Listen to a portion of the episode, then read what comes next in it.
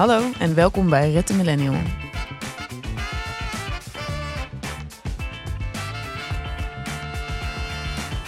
tijdje geleden eh, zat ik in de bus in mijn geliefde stad Utrecht en zag ik allemaal posters hangen van een fles Y-food. Nu is Y-food, dat eh, is meal replacement shakes. Dus dat, zijn, eh, dat zijn shakes die je dan drinkt in plaats van te eten. Je kunt ze ook in poedervorm aanschaffen. En ze hebben dan ook voor de kleine trek hebben ze repen. Oké. En toen dacht jij, dit moet ik hebben. nou, het zal jou niet ontgaan zijn waarom dit heel erg millennial is. Nee. En daar gaan we het zo over hebben. Ja. Eh, maar ik moest het hebben. Dus ik heb besteld een soort starterpakket met vijf van die shakes. Aha. En dat moest helemaal uit Duitsland komen. Ja. En dat heeft er ook een week over gedaan of zo. Ja. En helemaal gedachten van mij losgemaakt over transportatiekosten en benzine en weet ik veel wat. Ja. En ehm, toen heb ik eh, daar geprobeerd eh, twee dagen op te leven. Want dat is dus het idee is, het zijn shakes waardoor je niks anders meer nodig hebt. Eh, ja, in principe zit er alles in voor één hele ma- maaltijd. Dus één zo'n fles denk je dan in plaats van je ontbijt of in plaats van je lunch. Kijk, het is niet de bedoeling dat je het drie keer per dag doet. Oké. Ja. Eh, denk ik. Tenminste, ik, dat, dat mag, maar dan word je gewoon gek. Ehm, dus ik heb het in plaats, ik heb het gisteren in plaats van mijn ontbijt en mijn lunch gedronken. Twee keer één flesje of bij, voor allebei? Nou, je zult het zo nog horen.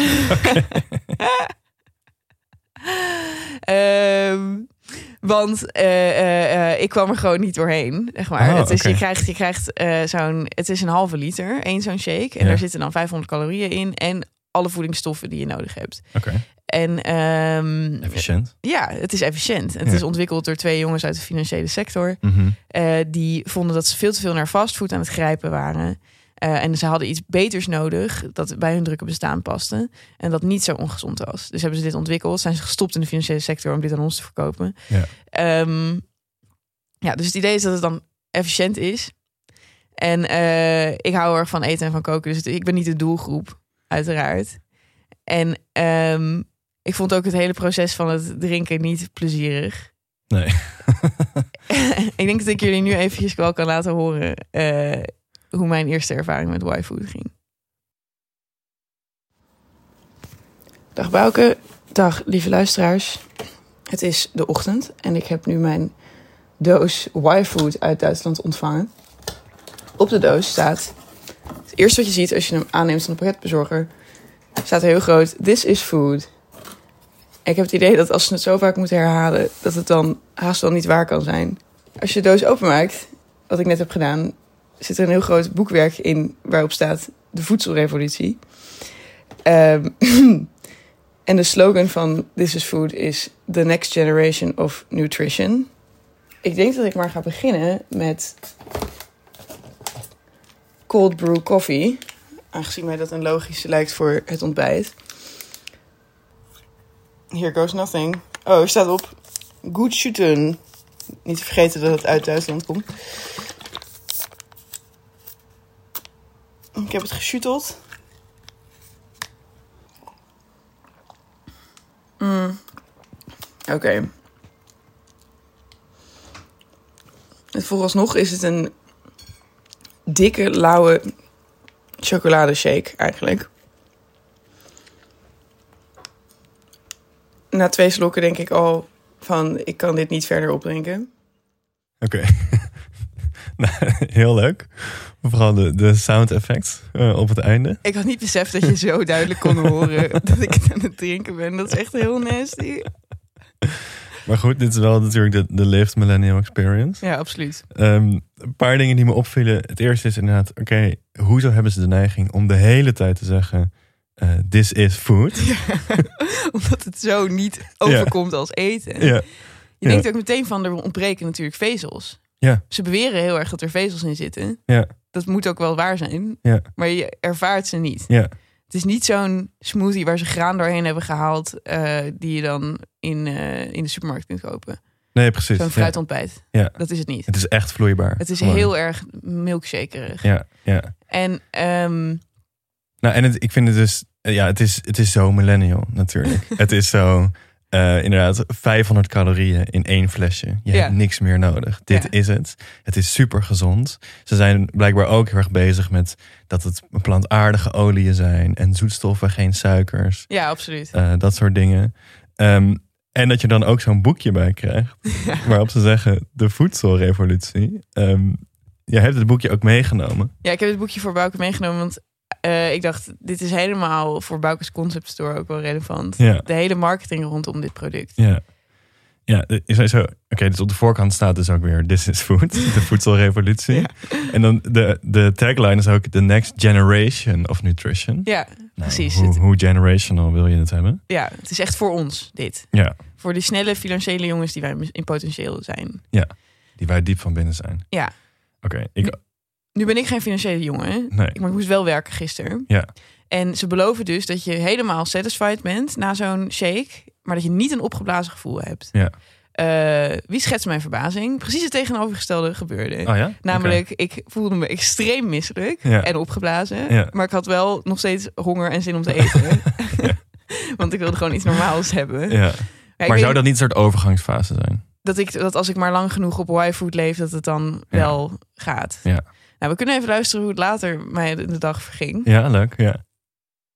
Hier ben ik weer. Ik ben nog steeds bezig met mijn cold brew koffie. En niet om nou al te kritisch te zijn, maar ik moet nog een paar dingen zeggen over textuur. Het is echt heel stroperig en slijmerig. En ik heb het idee dat het een soort residu op mijn tanden achterlaat waar ik geen fan van ben.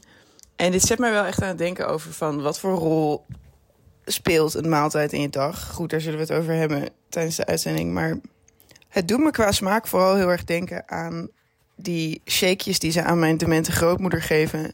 Omdat ze anders niet genoeg shit binnenkrijgt.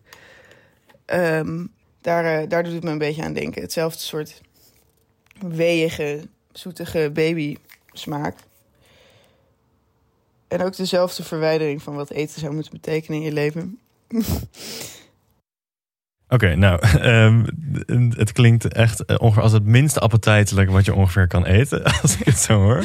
Ja, ik ben ook heel kritisch. Eh, je hebt misschien ook wel een talent om dingen zo- te omschrijven. Ehm, Zo vies mogelijk bedoel je. Dat was niet eens mijn bedoeling.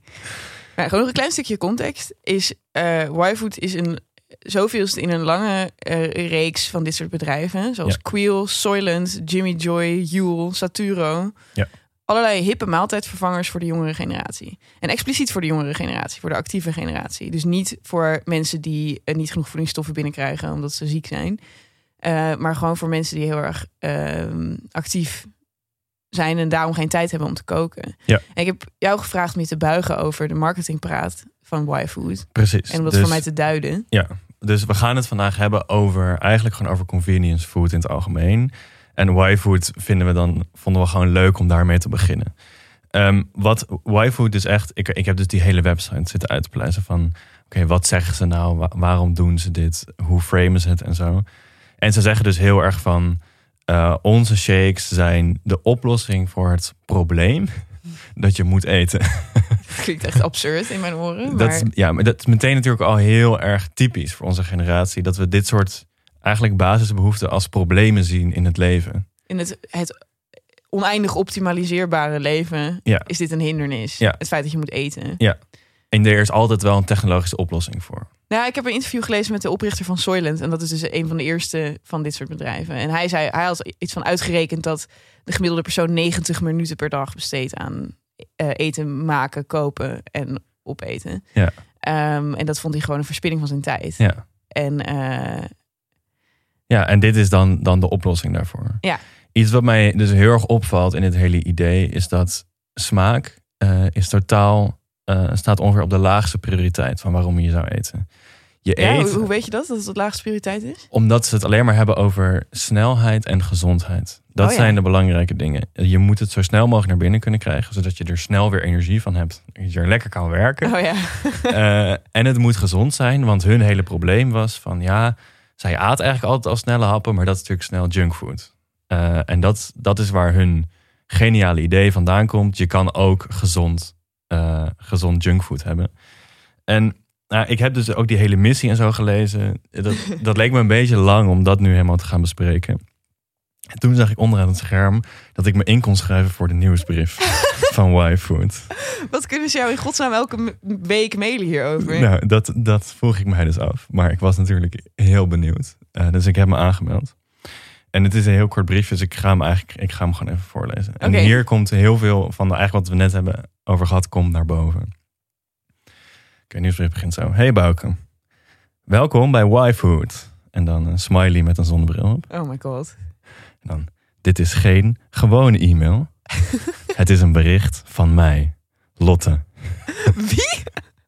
En boven de mailtjes stond dus een fotootje van blijkbaar Lotte. Ja, ik heb natuurlijk geen idee wie dat is. eh, maar zij vindt zichzelf blijkbaar wel heel erg belangrijk.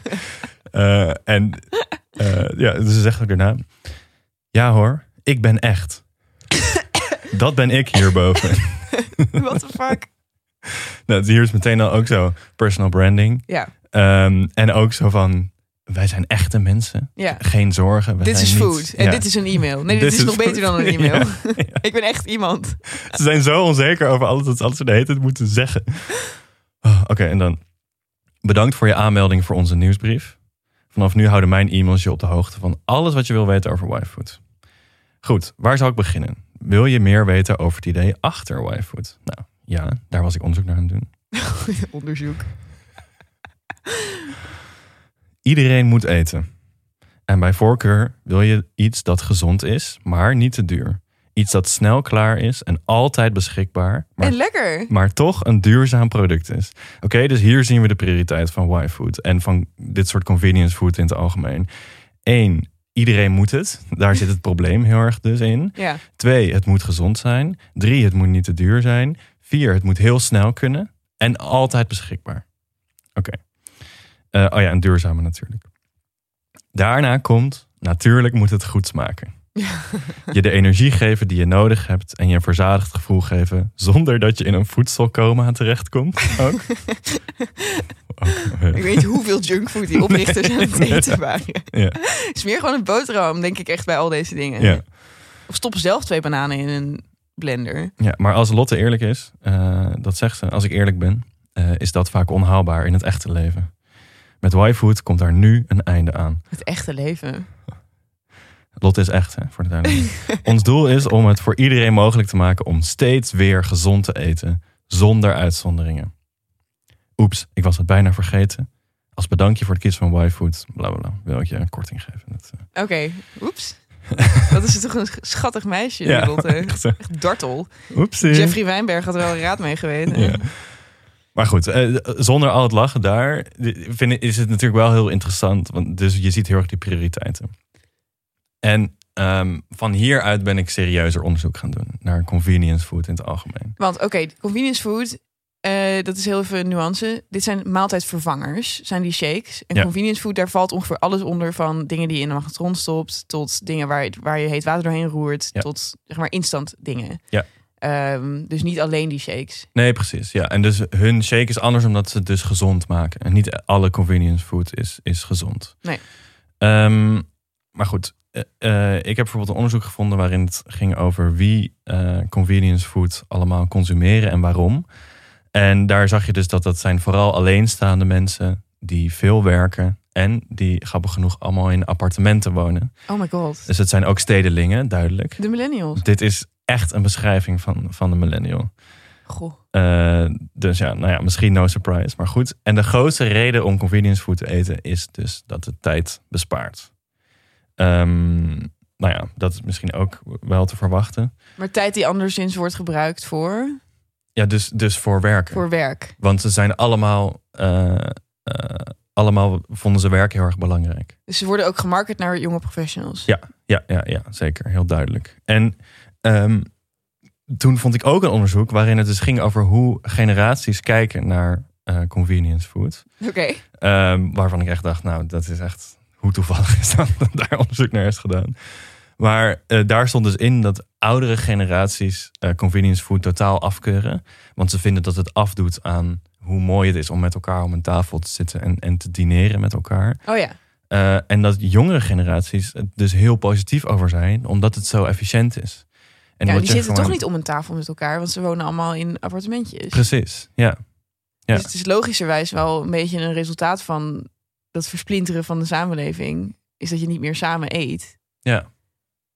En dat je vroeger samen at, was natuurlijk ook alleen maar omdat dat nou eenmaal handig was. Je weet wel, het was onhandig om allemaal je eigen shit te koken. Ja. Als je deel uitmaakt van een groot gezin. Ja.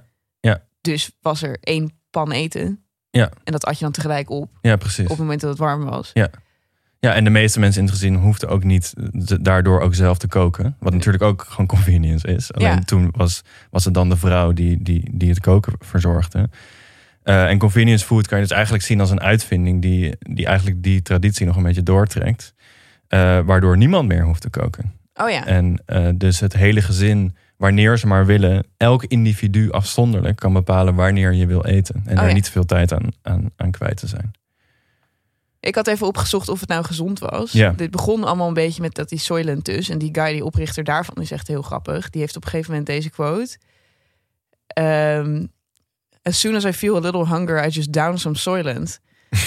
in fact, he added with a note of pride, people are surprised at how fast I drink it. I can do 20 ounces in just a few seconds at this point. so I've even kind of optimized the seconds I devote to drinking it. Oh, wow. Ja, doodeng. Dat is die. Rob Reinhardt. Die was toen 25 toen hij dat oprichtte. Ja. Ehm, anyway. Eh, Zo'n grote optimaliseringsdrang. ja, dat je dus zelfs je liter slijm ga Ja. je dan sneller drinken. Ja. Kan hij nu heel, heel snel drinken. Ja. Nou ja, ik weet niet waar hij nu is hoor. Maar dit was in het begin van Soylent dat hij werd geïnterviewd. Ja. En toen hebben ze ook onderzocht hoe het met zijn darmflora zat. Ja. En die waren echt heel anders dan bij andere mensen. Niet per se slechter Nee. of zo. Ja. Maar het lange termijn effect. Stel je voor dat we echt met z'n allen Ja. over zouden stappen op zo- zo'n drankje. Ja. Dat is nog niet helemaal duidelijk. Dus de vraag, is het gezond? Eh, ja, want alles zit erin. Ja. En je kunt er echt prima op leven. Beter dan op fastfood. Ja.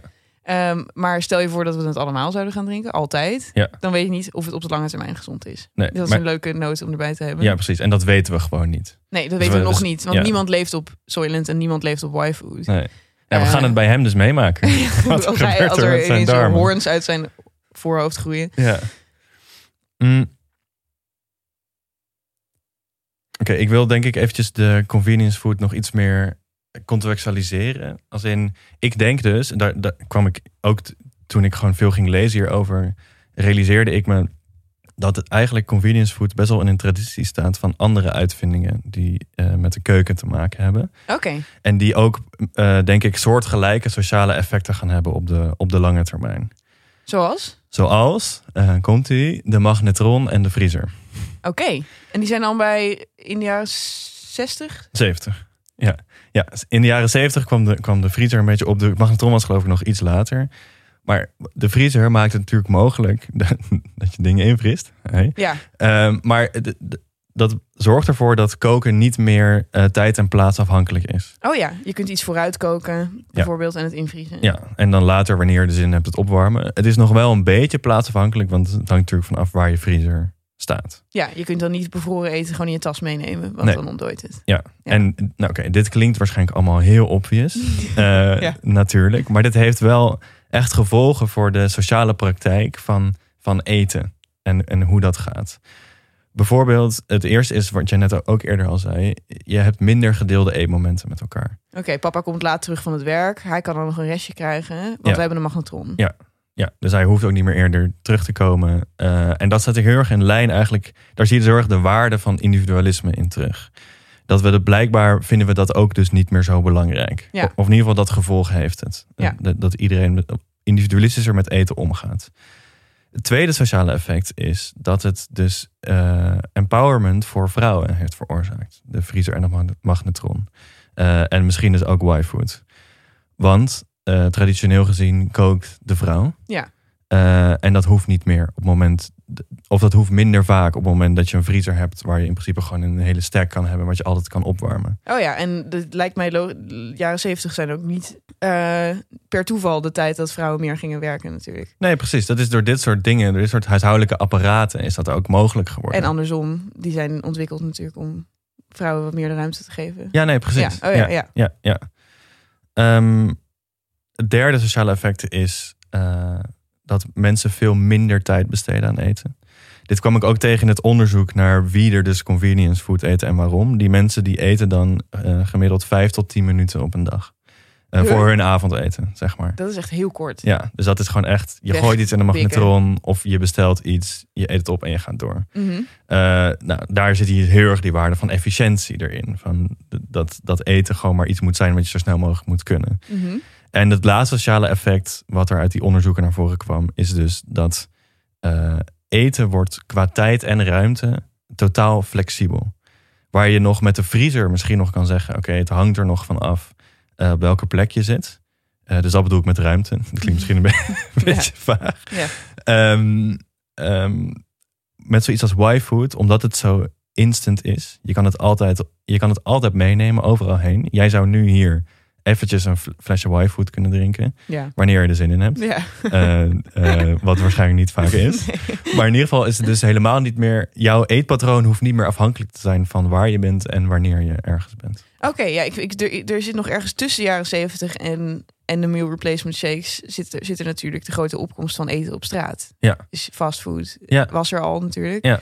Maar eh, als ik mijn ouders moet geloven, dan is het straatbeeld heel erg veranderd in de afgelopen 50 Hm, jaar. ja. En zijn een heleboel winkels vervangen door plekken waar je snel kunt eten. Ja. Eh, een bak woknoedels Ja. of eh, een pokeball of ik veel wat. Ja. Wat ik daar wel interessant vind, is dat in andere landen, waar echt nog veel meer dan hier een, een, eh, een straatcultuur is met eten, eet iedereen wel samen, namelijk op straat. Oké, dus dat hoeft niet per se te betekenen dat je versplintert. Nee, Ik, ik, dacht meer van je bent van huis, je bent niet met je gezinsleden. ja, Dus je eet dan een burrito, zeg maar. ja, ja, Dat, dat, dan hoef je thuis niet meer te eten met je vrouw. Ja. Zij eet wat zij lekker vindt. ja, Junior kan ook iets anders eten. ja. Ja, maar ze eten wel allemaal waarschijnlijk met een groepje mensen op straat. Oh, Oké. Die je ook toch, toch dat heb je toch wel eens gehad als je in het buitenland bent. Dat je, Ik jij, ben jij nooit bent niet avontuurlijk. geweest. Nee. De grens nee, van. Europa. Ja, oké, maar dat, dat is dus heel leuk. Dat je bijvoorbeeld in Spanje is dat al best wel zo. Dat er gewoon Hm. mensen eh, gewoon op straat aan de bar toevallig gaan eten als ze daar al iets aan het drinken zijn. En dan raak je aan de praat met elkaar. En een soort van het gemeenschapsgevoel wat jij altijd heel erg mist. Ja. Ehm, dat heb je daar denk ik nog wel iets sterker. Oké, nee, maar dat is goed. Dat is een goede kanttekening. Dat betekent dat we niet al te simplistisch moeten denken van deze materiële eh, ehm, omstandigheden zorgen ervoor dat wij niet meer samen eten. Er was misschien ook al een culturele hang naar individualisme Ja. en, en in je eentje willen eten Ja. op je eigen moment. Maar het verschilt natuurlijk wel met iets als Y-food, is dat je het thuis laat bezorgen. Dus je gaat, in, je gaat niet meer de straat op. Je gaat niet met z'n allen op straat Y-food drinken.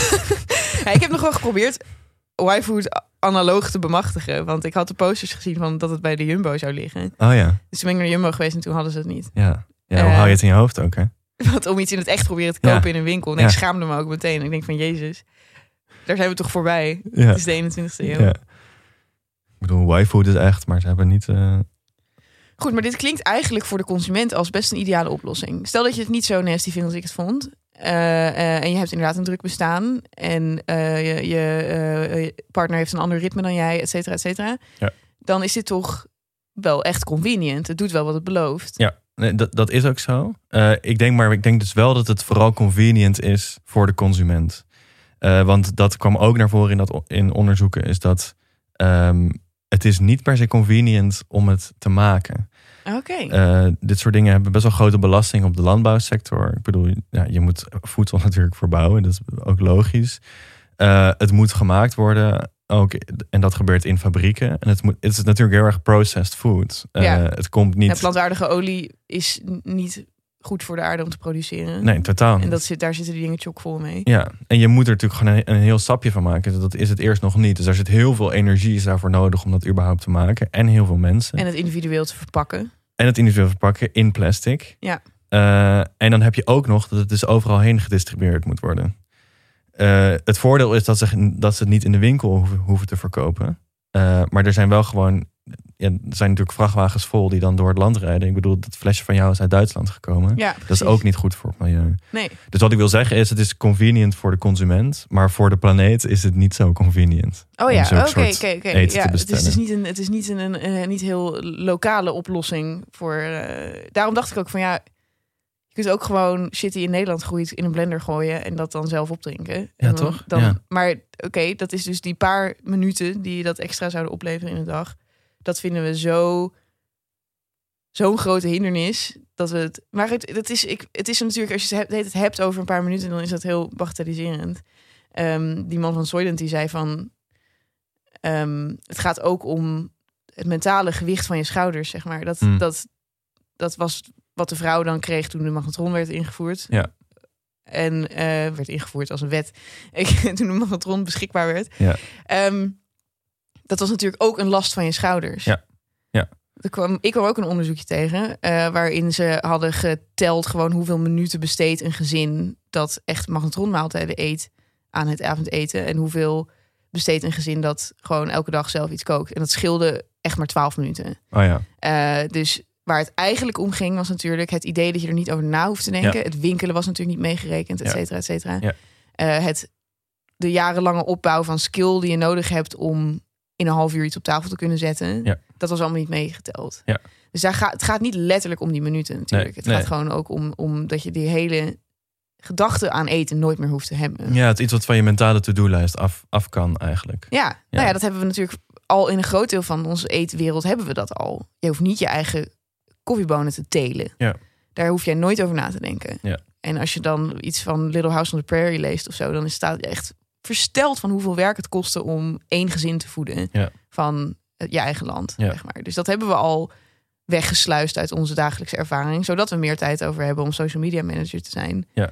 Ja, dus in die zin is dit misschien ook weer niet heel nieuw. Nee, En ook niet zo erg of zo, of radicaal. Want natuurlijk ga je niet je hele voedsel zelf verbouwen. Nee, maar waarom voelt het dan zo eng? Ja, dat is de Eh, vraag. dat, is, dat was mijn eerste vraag. Ik bedoel, ik hapte op die poster van This is Food. Omdat Ja. ik dacht van, dit is fucking freaky. Ja. En ik denk waarom dat is. Of misschien anders. ehm, het komt ook heel erg voor in onze dystopische toekomstbeelden. Heel Mhm. vaak. Dat het einde van eten komt heel vaak voor Ja. in, in eh, dystopische toekomstfilms en boeken. Ja. Denk bijvoorbeeld aan de film Soylent Green, waar ook dat bedrijf Soylent naar genoemd is. Ah, ja. Wacht, Ehm, kan je uitleggen waar die film over gaat? eh, dat, ja, pff, waar die film precies over gaat, weet ik niet meer. Maar eh, een, het is een dystopische toekomst. Ja. Het jaar 2022. Oh, wow, oké. Ja. ja. Eh, het is gebaseerd op een boek.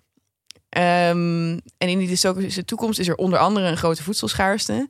Waardoor er alleen maar een soort soja en ehm, lentil, hoe noem je dat? Linzenburgers worden verstrekt aan de burgers. Weet je waar, wanneer deze film is gemaakt? Of niet? De jaren zeventig. Oké. En volgens mij, ja. Ah.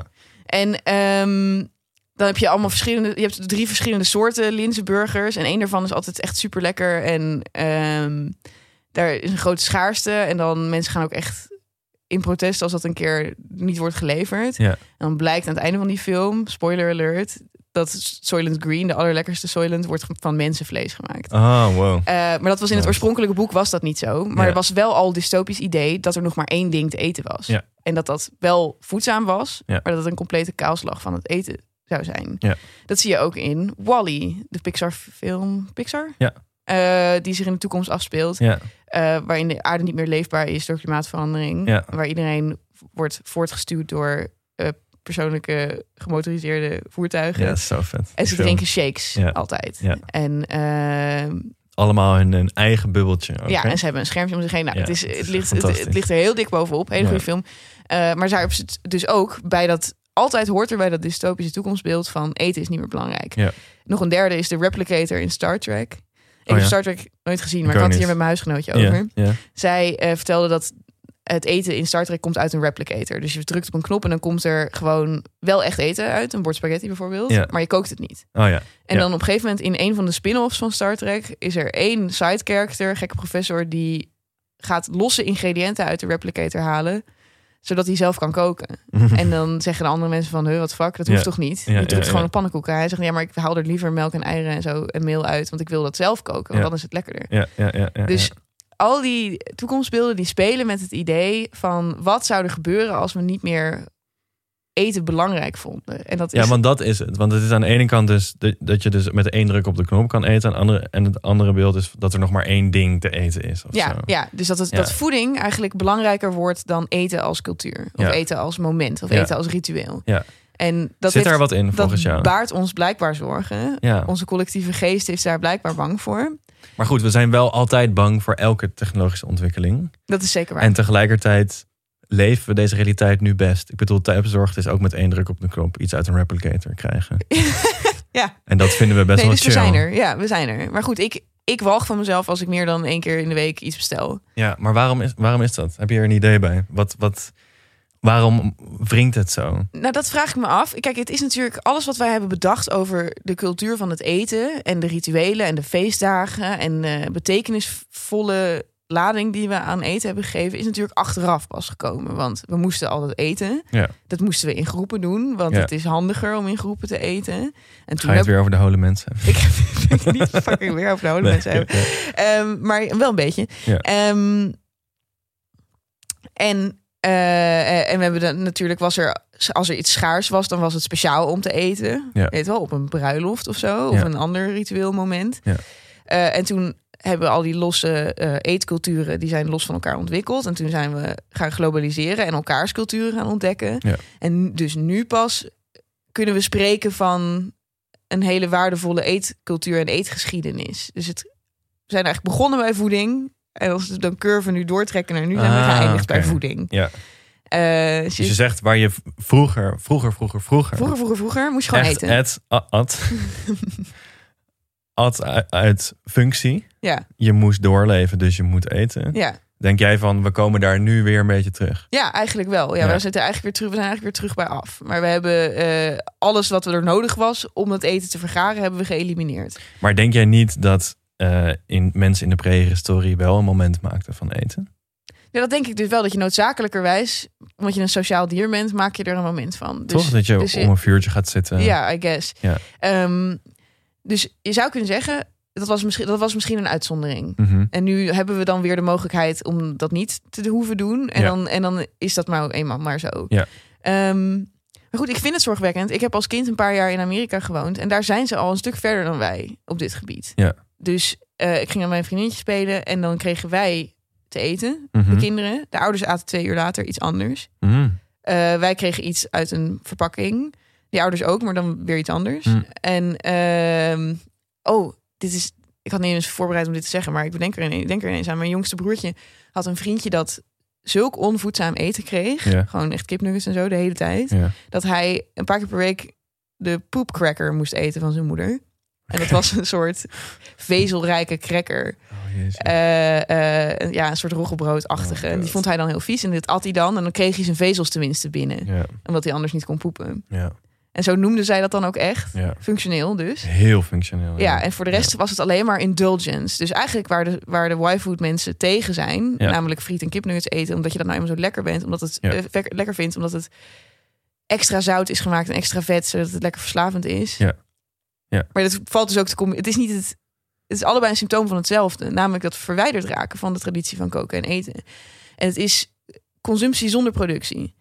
En ik denk dat wat er ook zorgwekkend aan is, is dat mensen de kennis verliezen die ze hebben opgebouwd van voeding en van koken en van Ja. hun eigen gezondheid. Ja. Van wat het betekent als iets groeit uit de grond en je het dan opeet. Ja. En ik bedoel, tuurlijk zijn we daar al van verwijderd. Ook als je gewoon een aubergine koopt in Albert Heijn, ben je niet zelf iets aan het telen of Nee. zo. Ja. Maar je weet in ieder geval wel wat er in je eten zit. Ja, en als je zoiets lokaals koopt, dan heb je ook altijd zo het gevoel van verbinding met je eten of zo. Ja. Maar ik, ik blijf toch denken, om misschien een beetje de devil's advocate te spelen, van oké, we, we gaan weg van een traditie van samen eten. Mhm.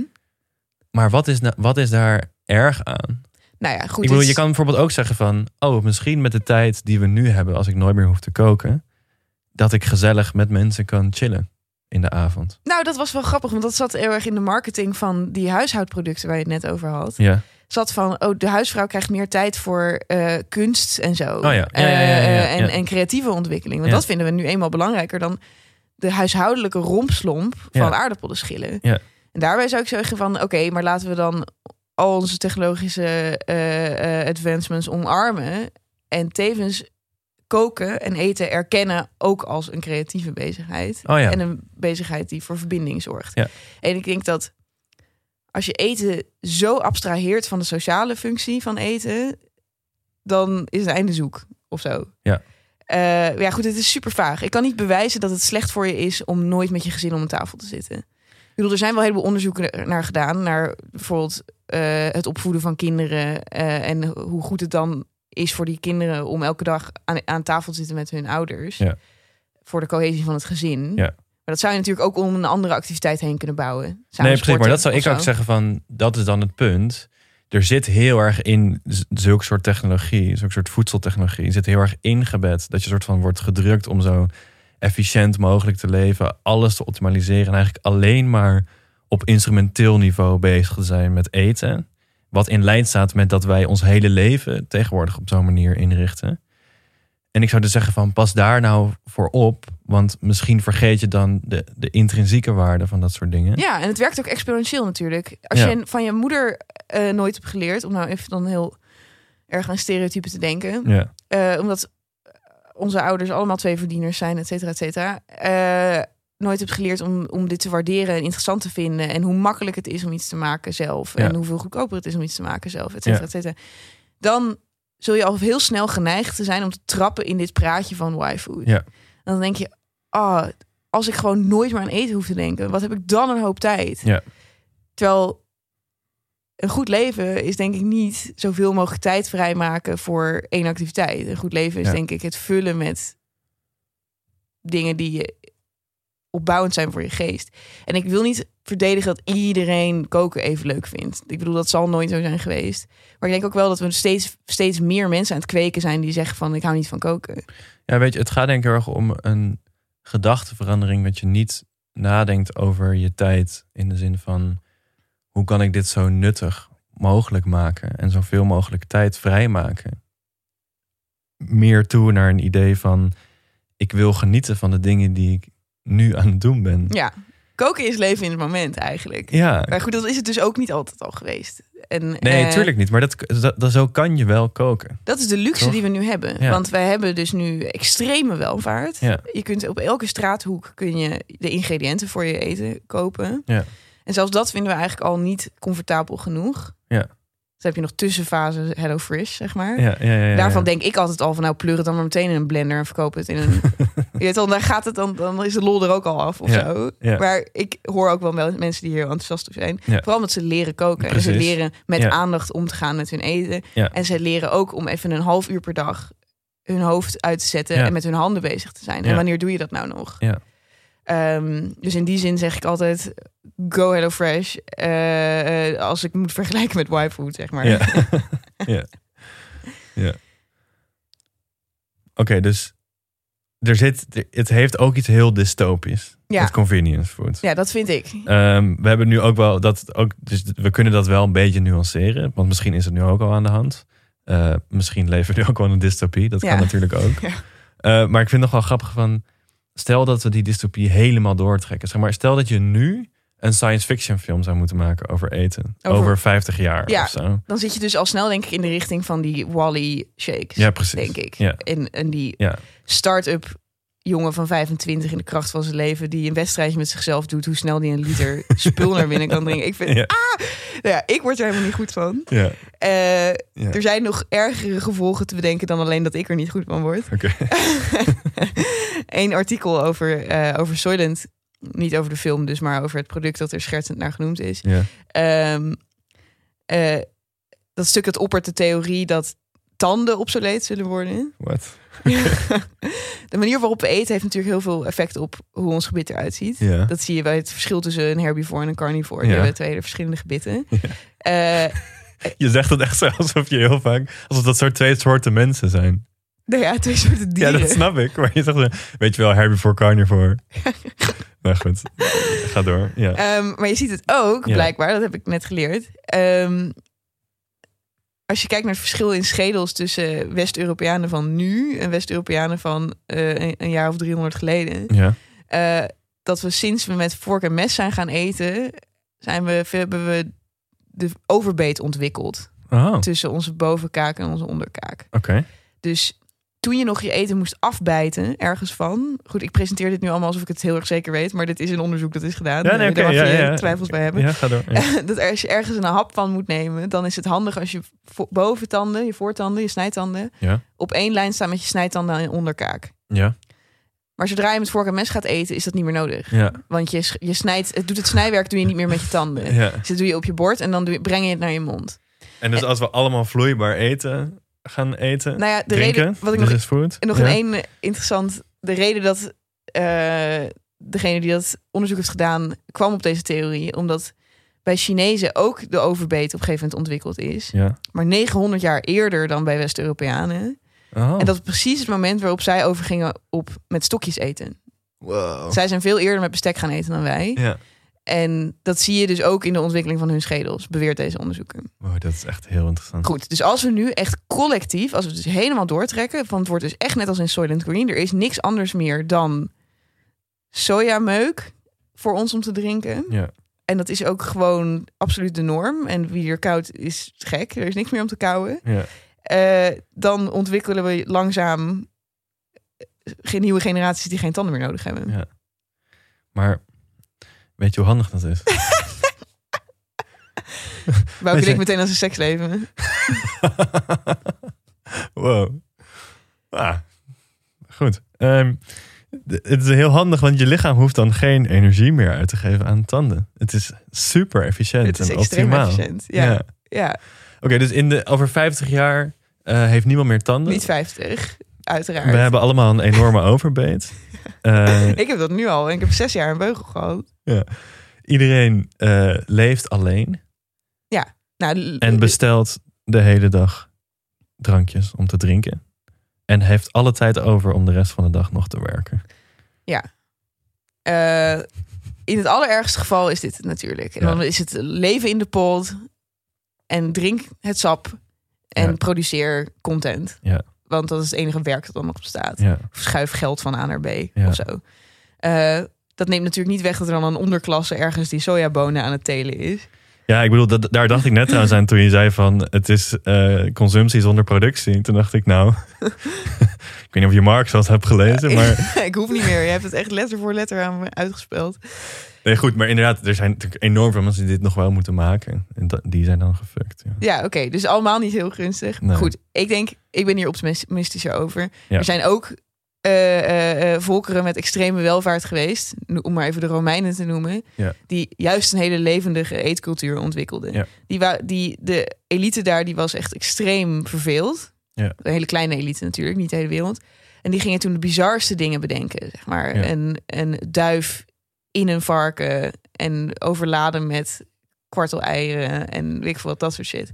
Die waren echt crazy shit aan het bedenken. Ja. Dus er, misschien komt er een, een renaissance van de extravagante eetcultuur. Ja. Dat we dus onze grote welvaart inzetten om juist te creëren en niet meer hersenloos te consumeren. En daar hoop ik op. Heel mooi slotpleidooi. Dankjewel. Oh nee, wacht. Wat? Heb nog een kleine verrassing voor jou, Bouke. Oh god. Ik heb nog weten te redden uit mijn huis Oh, de crazy coconut smaak van Y-Food. Mijn favoriete smaak. Eh, gaan we hier de aflevering mee eindigen? Het is niet helemaal coronaproof, maar ik Ja. zou je nu graag willen uitnodigen om daar een slokje van te nemen. Nee, Oké, ja, dat is goed. Ja. Bij deze. Ja. Dus ik heb nu de toekomst in mijn handen. Jetzt Nooi staat erop. Oké, ik heb hem opengemaakt. Een Nutri-score A trouwens. dat zegt mij niets. Dat betekent dat het heel goed is. A is het hoogst, natuurlijk. Ja, kom nou. Oké.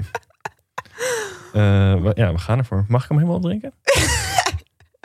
Ja, maar Ik ben wel een beetje zo'n Soylent guy hoor. Ik ga dit nu heel snel achterover slaan. Neem één slok.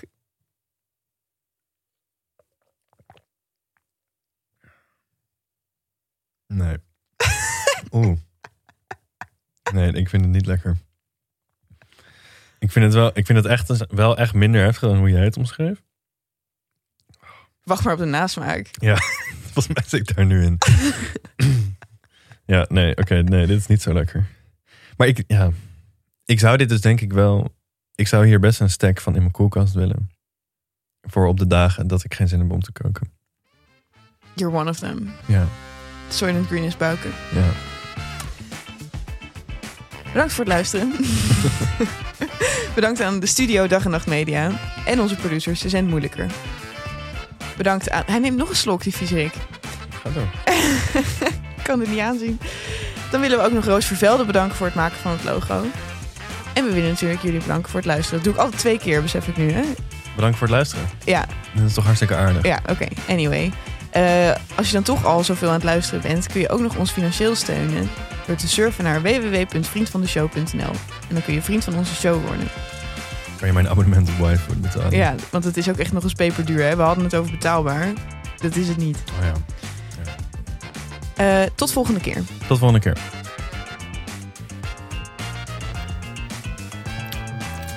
Je trekt een heel vies hoofd. Het is heel dik. Het doet me wel een beetje denken aan van die supermarkt chocolademelk die je in Frankrijk koopt. Oh ja. Ik, ik zou me wel... Ik zou heel veel moeite hebben om dit helemaal op te krijgen. Het is half vier. En ik heb vast gespeeld. Omdat ik gewoon zo graag iets vast in mijn maag wilde. Heb ik een geroosterde boterham voor mezelf gemaakt en een appel. Ook omdat ik de gedachte niet aankon van nog een halve liter Y-food. Oh, het is zo dik. Oh. Jezus Christus. Een soort rom achter. Gadverdamme!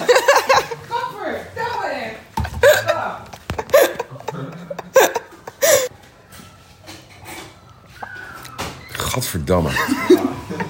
Ja. Heel romig, een soort, soort nep milkshake. Maar die van McDonald's zijn nog lekkerder. En dat zegt wel.